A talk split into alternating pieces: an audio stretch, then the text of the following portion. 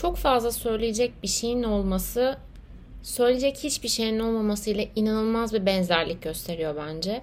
Çünkü bu kadar böyle anlatacak şeyim, konuşmak istediğim şeyim olmasına rağmen neredeyse 10 kez bilgisayarın başına geçip bir türlü beni tatmin eden bir bölüm ortaya koymamamın başka bir açıklaması olamaz bence.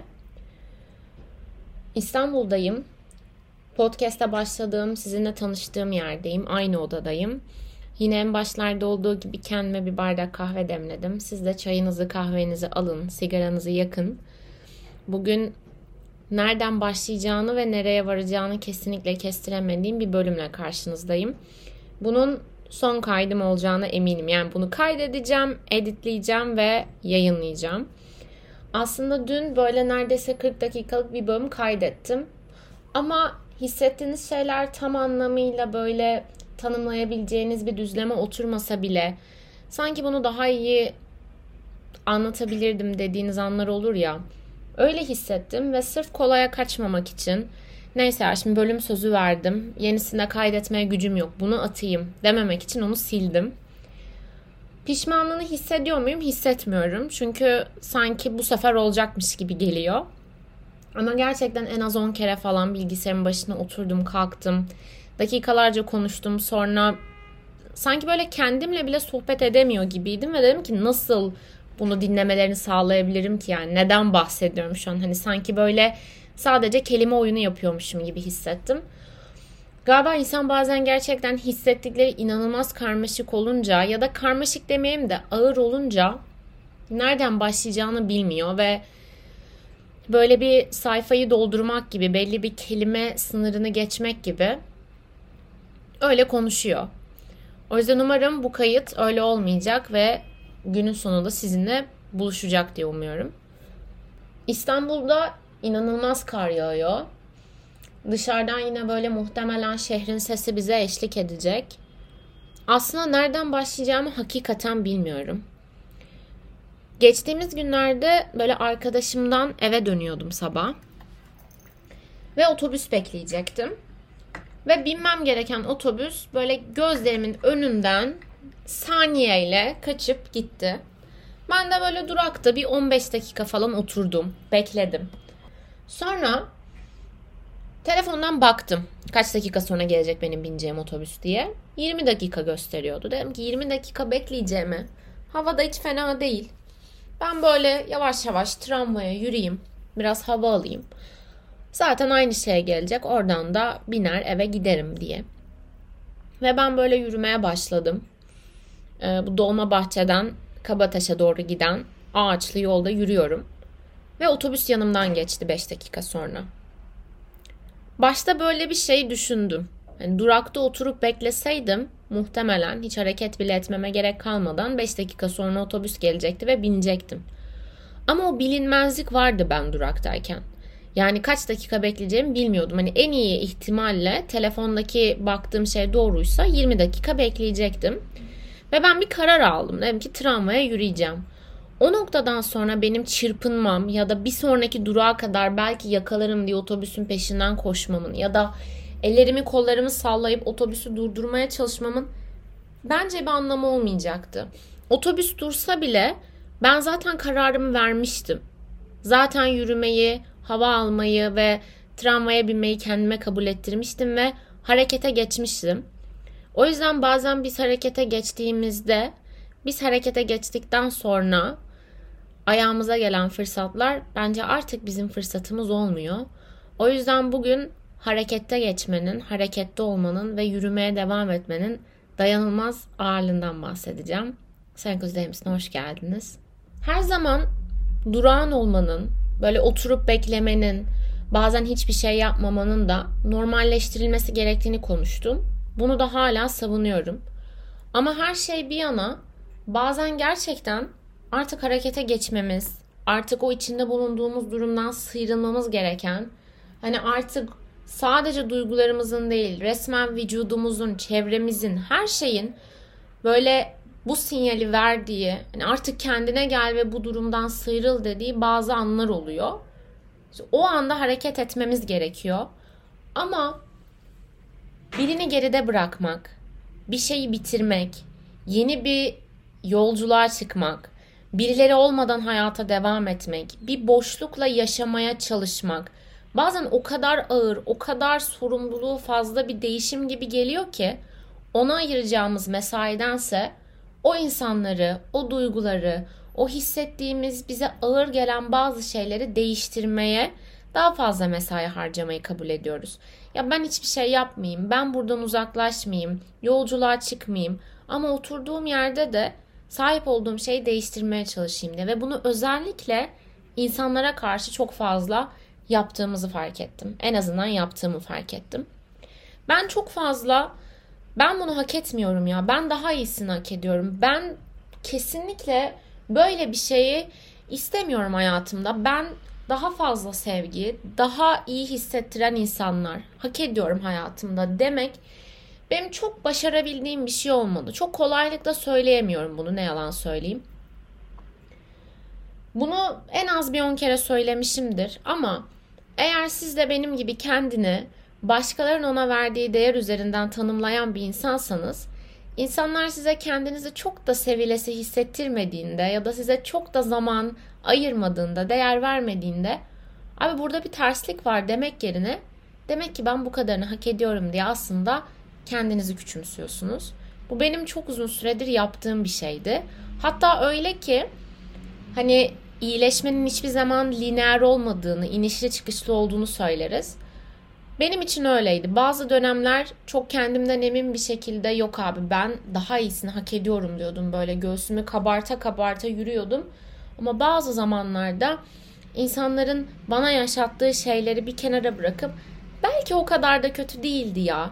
Belki ben yanlış anladım. Belki gerçekten seviyordu beni falan diye bazı şeyleri güzellediğimi fark ettim. Bunu da nasıl fark ettim?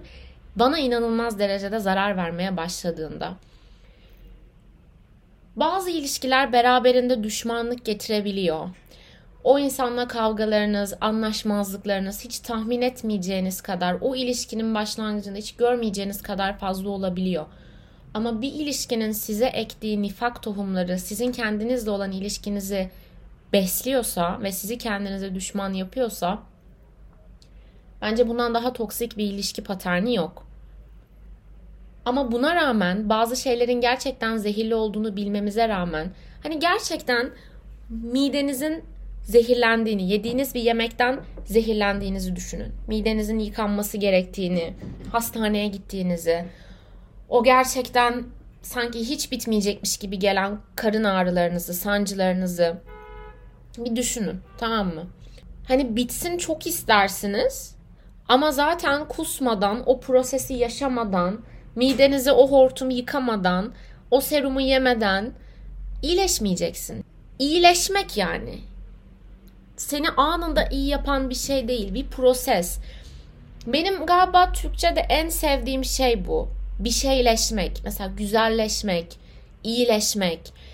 Yani sen zaten iyisin, sen zaten güzelsin ama buna biraz daha fazlasını katıyorsun demek gibi bir şey. Aslında bence Türkçe'de bir prosesi anlatan, bir süreci anlatan en güzel kelime yapısı.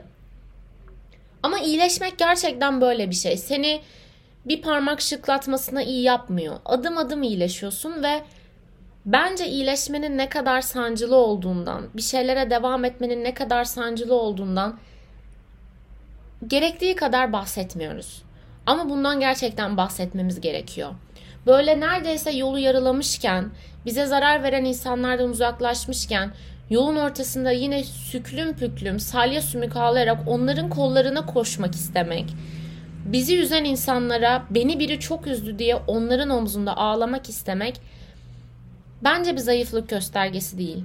Bence ne kadar fazla sevebildiğimizin ama bir noktada artık bu sevgiyi o insanlara vermememiz gerektiğinin bir göstergesi. Ama ben galiba hak etmeyen insanlara verdiğim sevgiden dolayı kendimi kötü hisseden taraf olmak istemiyorum. Çünkü ben her zaman şöyle düşündüm.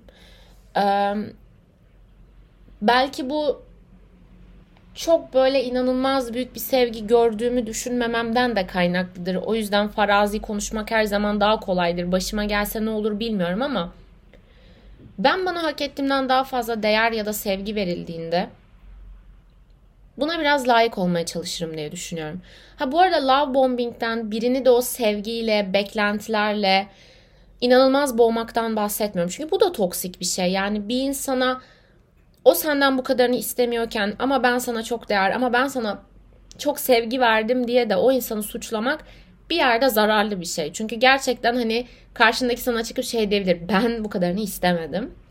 O yüzden tabii ki de her şeyin bir sınırı var. Yani karşındaki çok fazlasını talep ediyorsa ona elinde olmayanı vermek ne kadar problematikse karşındaki tamam artık yeter ben hani doydum bu kadarı benim için kafi derken fazla fazla ona vermek böyle bir annenin tabağa bir kepçe bir kepçe daha koyması gibi onu daha fazla doyurmaya çalışmak belki verdiğin o sevgi ne kadar lezzetli olursa olsun onu çok uzun bir süre ondan soğutacak.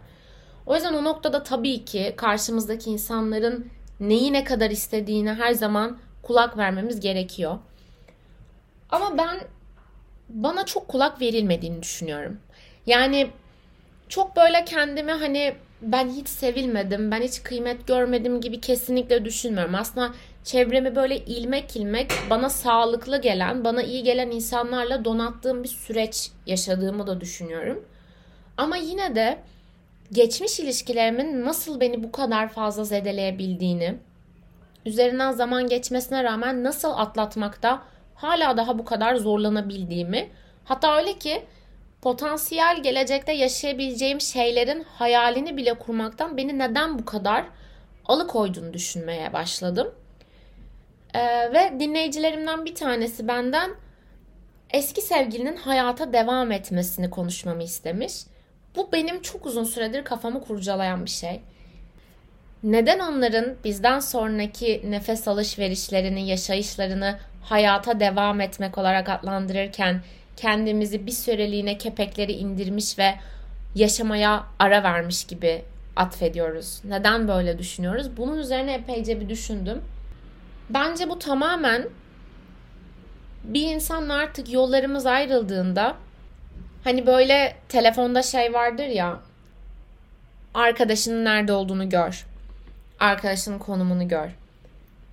Sanki onu kapatmışsın gibi o noktaya kadar onun nerede olduğunu, duygusal olarak ne kadar sana yakın olduğunu, seni ne kadar sevdiğini bir noktaya kadar görüp biliyordun. Ama artık yollar ayrıldığında o konun bilgisi kapatılıyor ve sen onun nereye gittiğini, en azından duygusal olarak hangi yöne doğru evrildiğini bilemiyorsun. O yüzden o bilgisizlik sanki o insan hayatına devam ediyor ve sen olduğun yerde sayıyorsun gibi hissettiriyor. Ben İki insan birbirini seviyorken bu sadece sevgilik değil arkadaşlık da olabilir. İki insan birbirini seviyorken bir sonraki gün ayrılmaya, farklı yollara gitmeye karar verdiklerini o sevginin anında, saniyesinde ortadan kalktığını kesinlikle düşünmüyorum. Sadece bilmemek durumu ortaya giriyor ve bilmemek her şeyi gerçekten çok büyük bir soru işaretine dönüştürüyor. Çünkü baktığında uzaktan sen de uyanıyorsun. Sen de gününe devam ediyorsun. Sen de şarkılar dinliyorsun, playlistler yapıyorsun, Instagram'da bir şeyler paylaşıyorsun, arkadaşlarına gülüyorsun. O da aynısını yapıyor. Ama sen gün içinde neler hissedebileceğine birinci elden hakim olurken artık o insana ne hissettiğini soramayacak bir mesafede oluyorsun. Ve bilmediğin için iki ihtimal olduğunu düşünmek yerine bence artık beni sevmiyor diye düşünmeyi tercih ediyorsun. Bunun bence temel sebebi böyle düşünmenin altında yatan şey sanki sevilmeye çok da layık değilmişiz gibi hissettiğimiz bir korku. Sanki o birlikte karşılıklı olarak birbirimizi severek geçirdiğimiz süre tamamen bir şansmış ve ilişki bittiği anda o sevgi ortadan kalkmış gibi. Aslında karşımızdaki insanları, partnerlerimizi, arkadaşlarımızı o kadar gözümüzde büyütüyoruz ve onları büyüttüğümüz seviyede de kendimizi küçültüyoruz ki o sahip olunan ilişki artık ortada olmadığında sanki o hisleri sadece biz içimizde taşıyormuşuz ve onlar bizi kolaylıkla silip atmış gibi hissediyoruz. Aslında bu onların bunu ne kadar kolay yapıp yapamayacağı ile ilgili değil. Bizim kendimizi bu kadar kolay silinebilir görmemizle ilgili. Ve ben bunun kendimize yaptığımız en büyük haksızlıklardan bir tanesi olduğunu düşünüyorum. Böyle hissettiren, bitmesi gereken Öyle ya da böyle yolların ayrıldığı bazı ilişkilerde de tıpkı benim 15 dakika otobüs bekledikten sonra ben galiba artık yürümeye devam edeceğim dediğim ve 5 dakika sonra yanımdan geçip giden otobüsüm gibi bazen her ne kadar çok uzun bir süre beklediğin ve senin içini daha kolaylaştıracak, senin onun için orada olduğun şeyler sen artık orada olmak istemediğine karar verdikten sonra yanına gelse de bazen gerçekten yapmamız gereken hayata devam etmek ve aldığımız kararı uygulamak oluyor. Ve bunun gerçekten ne kadar zor olduğunu yeterince konuşmuyoruz. İlişkilerimiz bittiğinde o ilişkiyi bitirme kararımızı anlatıyoruz genelde çevremize. Şöyle yapıyordu bitti. Çok anlaşamıyorduk bitti. Farklı yerlere dağıldık okuldan sonra bitti gibi. Aslında bunları anlatarak o ilişkiyi bitirme kararını meşrulaştırmaya çalışıyoruz. Ve karşı tarafında biraz doğru olanı yapmışsın ya demesini içten içe istiyoruz. Çünkü böyle kararlar gerçekten zor. Ve gerçekten hani her ne kadar gülsen de etsen de yalnız başına kaldığında duygular insanı vuruyor. Ne kadar sana kendini kötü hissettiren bir insan artık hayatından çıksa da ve bunun uzun vadede sana çok sağlıklı, daha iyileşmiş bir sen getireceğini bilsen de bazen gerçekten anılar böyle ya da çok ufak böyle bir kuple de olsa sevilmişlik hissi sana böyle çok tanıdık bir koku gibi geliyor ve seni bir anda çok farklı olabilirdi her şey ihtimaline götürüyor. Bunu neden anlatıyorum? Aslında tamamen monolog yapıyorum. Tamamen kendimle konuşuyorum. Bu benim gerçekten bir süredir yaşadığım bir şey.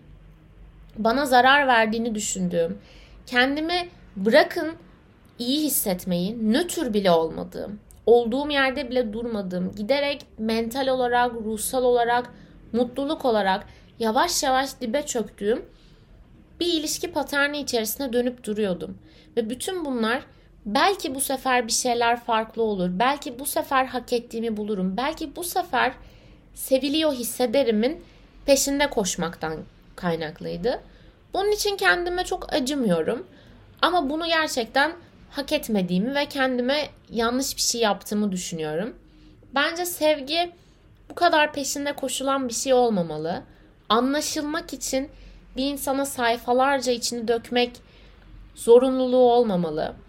Tabii ki de her insan gözünün içine baktığında seni anlayamıyor. Her insan ilk tanıdığı andan itibaren sana istediğin sevgiyi istediğin şekilde vermiyor.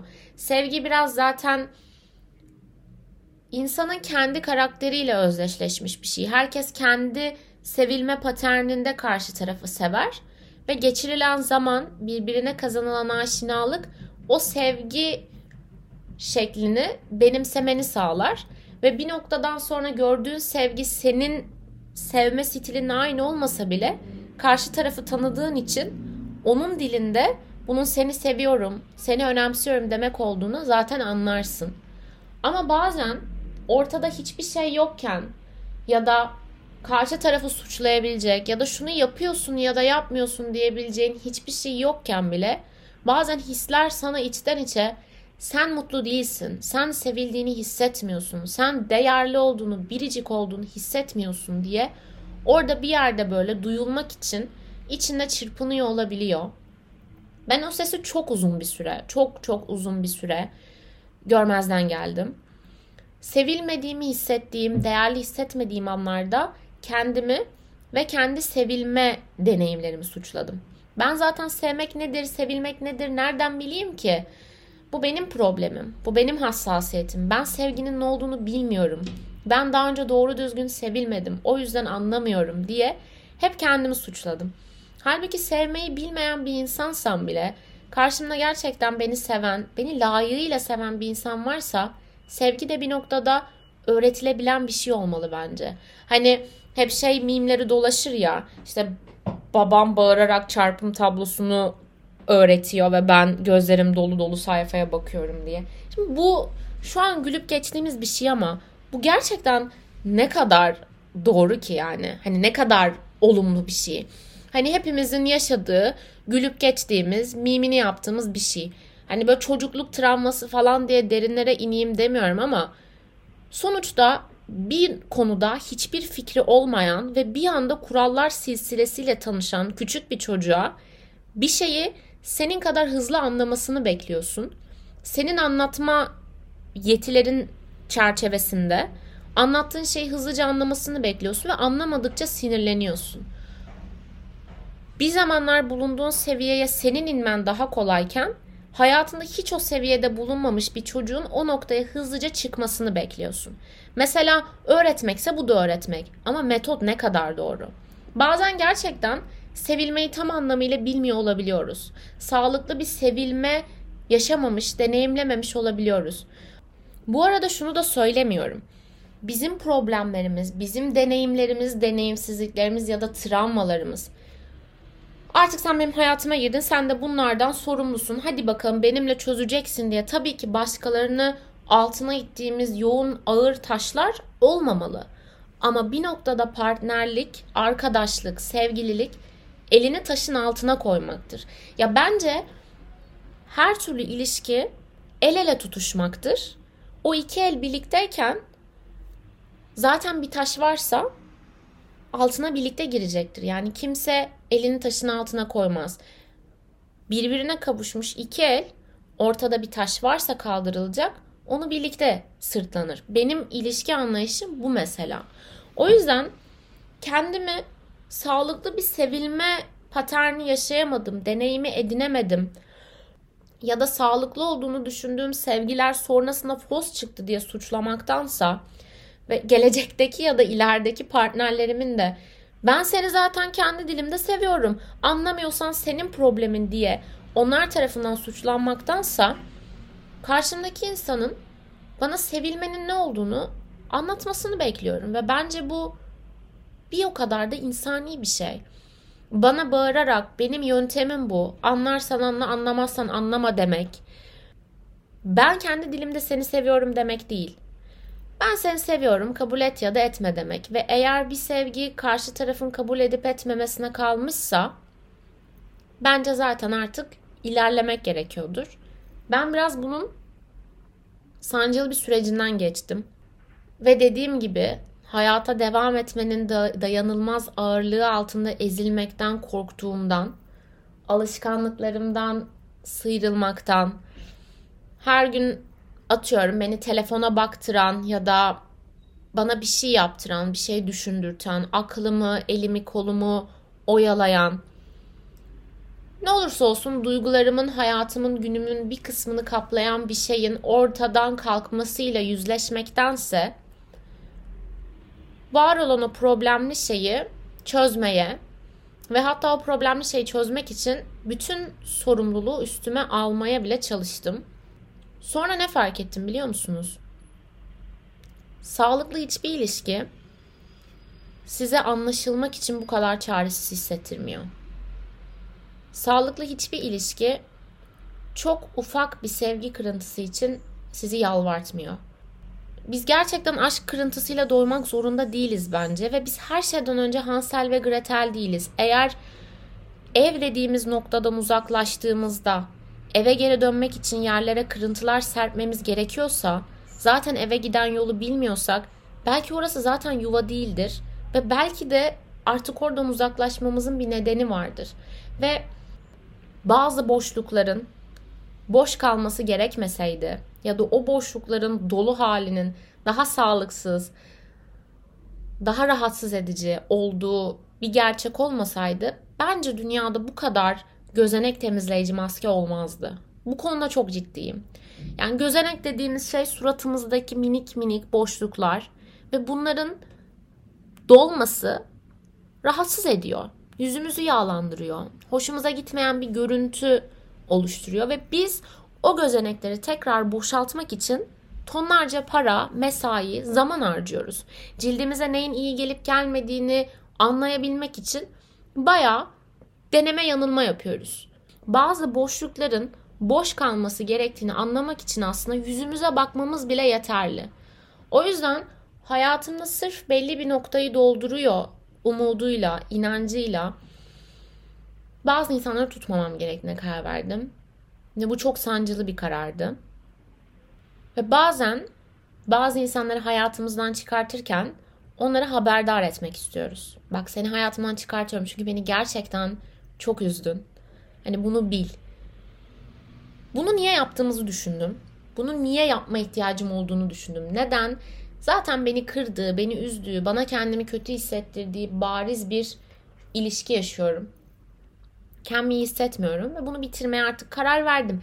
Neden hala o insanın beni ne kadar üzdüğünü görmesi için çaba, mesai harcıyorum?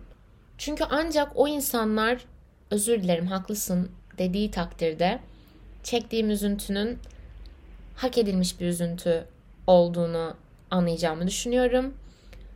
Oh be ben değersiz değilmişim. Ben sevilmeye layık olmayan biri değilmişim. Gerçekten onlar bana yanlış yapmışlar ve bunu kabul ediyorlar diyebilmek için onlara beni ne kadar kırdıklarını anlatma ihtiyacı duyduğumu ve belki bir umut haklı olduğumu söylerler ve bir şeyleri değiştirmeye çalışırlar umuduyla da böyle bir gözüm arkada böyle kapı eşiğinde beklediğimi fark ettim. Ama kapı eşiklerinin bu kadar dar olmasının bir sebebi var. Onlar geçip gitmek için. Oraya kamp kurmak ve başkasının seni o kapıdan içeri alıp almayacağını beklemek için değil. O yüzden çok zordu ve o eşikten dışarıya adım attığıma inanıyorum. Ancak dediğim gibi hayata devam etmenin dayanılmaz bir ağırlığı var. Ama bazı eksikliklerin, sevgi eksikliğinin, değer eksikliğinin, kıymetli hissetmenin eksikliğinin altında, bir boşluğun altında ezilmektense bazı ağırlıklarla yola devam etmek belki bize daha fazla güç kazandıracaktır. Bir bilinmezlikle bir durakta oturup bir otobüsü de bekleyebiliyorsun. Yola çıkmaya karar da verebiliyorsun. Sen artık bir şeyleri değiştirmeye karar verdiğinde beklediğin şey tamam tamam buradayım diyebiliyor. Ama bence karar verdiğin yolda adım atmaya devam etmek gerekiyor. Bu benim için çok yoğun bir bölümdü. Çok içimi döktüğüm bir bölümdü. Ama içimdeki şeyler de çok karman çormandı. O yüzden tam olarak ifade edebildiğimi bilmiyorum. Bence siz yine de anladınız. Bence aza kanaat etmeyen çoğu bulamaz sözü dünyada sevgi dışında her şeyde geçerli olabilir. Ama aşkta, sevgide, kıymetli hissetmekte az atama etmemek lazım. Umutsuzluğa alışmayın, yatağa küs girmeyin. Kocaman öpüyorum sizi.